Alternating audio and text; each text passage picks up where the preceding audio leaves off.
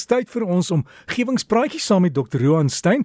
Hy's betrokke by Noordwes Universiteit en ek weet jy is is gek oor die sterre en ek weet jy het al gepraat, ek het jou nou die dag op die nuus gesien, jy gepraat oor die die helder fotos wat geneem word. Gaan dit goed met jou, Johan?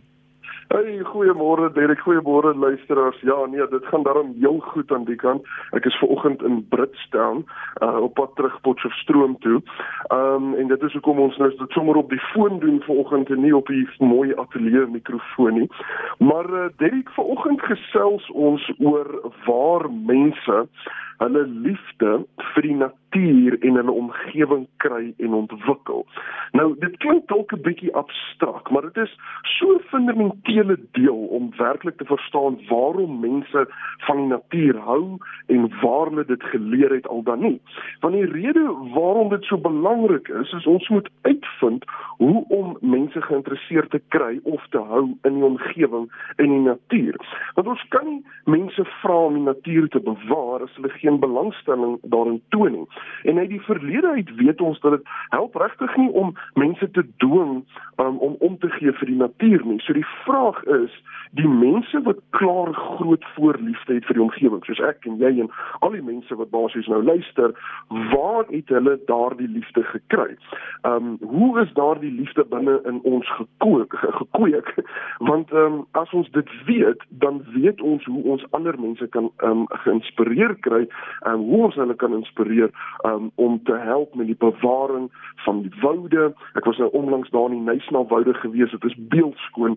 Ehm um, die oseane, diere ensovoorts. Nou byvoorbeeld, en ek sal miskien nou 'n paar simpel voorbeeldjies Derek, maar hoe weet jy of ek dat ons moet papiere in 'n asdrom gooi?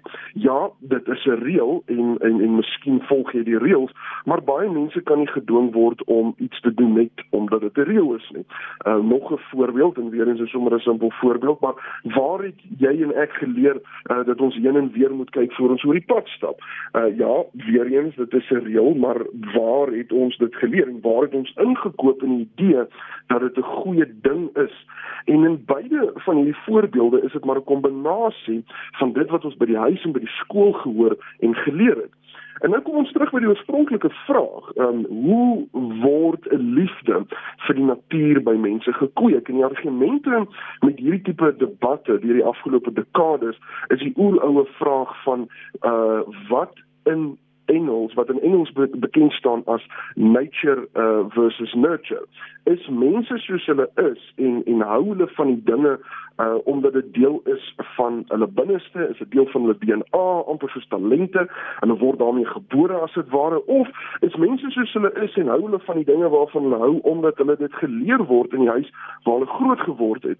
En ek en my vrou het al heelwat hieroor gesels en met ander mense en sy is 'n kenner op die veld en soos alles in die lewe hang dit maar baie uh, of hang die antwoord ten minste van baie dinge af. Die mense se mengsel van sy binneste waarmee hy gebore is en dit wat vir hom geleer is. En 'n baie bekende sielkundige is ook hierdie vraag gevra, ehm um, jy weet wat is die groot wat, wat wat het die grootste invloed op die mens, nature of nurture? En ehm um, hy het 'n baie elegante antwoord gegee. Hy het toe teruggevra, wat is die belangriker uh, of wat is belangriker um, om die area van 'n veld uit te werk, die lengte of die breedte? En dit vat die antwoord eintlik so goed vas. Nou daar was 'n baie insiggewende studie Derek wat onlangs gepubliseer is wat daarop wys dat wanneer dit by die mense liefde vir die natuur kom, is 'n groot deel daarvan geneties. So dit beteken volgens hierdie studie ten minste dat amper 50% van die liefde wat mense vir die natuur het, kom uit hulle harte uit as dit ware. So die studieleiers het 'n baie indrukwekkende proses gevolg en meer as 1000 tweelinge vrae gevra vir hierdie projek. En dit blyk dat hulle studie um, uit die studie uit dat uh, monosogotiese tweelinge, dit is nou identiese tweelinge wat amper 100% van hulle gene deel, is heelwat meer belyn in hulle antwoorde of hulle wel van die natuur hou al dan nie. En interessant genoeg, die psigotiese tweelinge se resultate was heeltemal anders. Hulle antwoorde was glad nie ooreenstemmend nie of ten minste vir die grootste gedeelte daarvan. So dit blyk uit hierdie studie uit ten minste dat jou gene 'n baie belangrike rol speel of jy van die natuur gaan hou al dan nie. En dit is 'n baie interessante resultaat want ons vra eintlik die vraag juis omdat ons mense wil probeer aanmoedig om meer vir die natuur om te gee. En ehm um, en gewoonlik kan 'n mens dit doen met die nurture gedeelte van daardie argument. As jy um, in 'n huis groot word waar die natuur 'n baie groot rol speel en die bewaring van die natuur word baie belangrik geag, dan uh, sal 'n mens wil glo dat dit 'n baie groot invloed sal hê op jou as volwassene en dat jy dit ook dan nou so so, so sal oordra aan jou kinders. En dit lyk tog asof dit ook 'n baie groot rol speel. Nou mense moet ook nie hierdie studies se resultate as die alfa en omega vat nie. Dit is net een studie, maar die implikasie is baie interessant want dit blyk dat 'n groot deel van die mense omgee vir 'n omgewing nie noodwendig aangeleer word nie. 'n ander studie wat parallel met hierdie studie geloop het, het ook gekyk na watter invloed um, het 'n liefde vir die natuur op 'n kind se lewe. So baie interessant, uit hierdie studie is daar gewys dat kinders wat in die natuur wat in natuur speel en en en um, in die natuur speel en in, die, in, in, in baie tyd saam ehm um, uh, saam of uh, baie tyd in die natuur deurbring en die natuur ervaar en op 'n gereelde basis ehm um, uh tyd spandeer in in die natuur. Hierdie kinders um is uh het het het die vermoë om baie makliker ongesonde angs te verwerk. Hulle gemoedstoestand is baie meer stabiel en hulle kan baie goed konsentreer en daar is heelwat minder psigiatriese probleme wat opgemerk word by hierdie kinders. Nou dit beteken natuurlik nou nie dat 'n kind wat op die 32ste verdieping van 'n woonstel blok groot word nou ewe skielik 'n probleem het nie. Wat ons wel weet is net dat kinders gaan speel of hulle nou op 'n PlayStation speel en of hulle nou op die mat speel en of hulle buite speel, speel gaan hulle speel en dit is hoe kinders leer. Dit blyk wel dat as uh, as die speel buite plaasvind, as dit buite gebeur in die wind, in die modder, in die sand, in die bome, dan is dit baie baie voordelig vir die kind. So nou Hoe sit ons nou die resultate van hierdie twee studies uh, bymekaar? So ons weet aan die een kant word mense met 'n liefde vir die natuur gebore al dan nie. Ehm um, maar die omgewing speel ook 'n baie groot rol om mense lief te maak vir die natuur.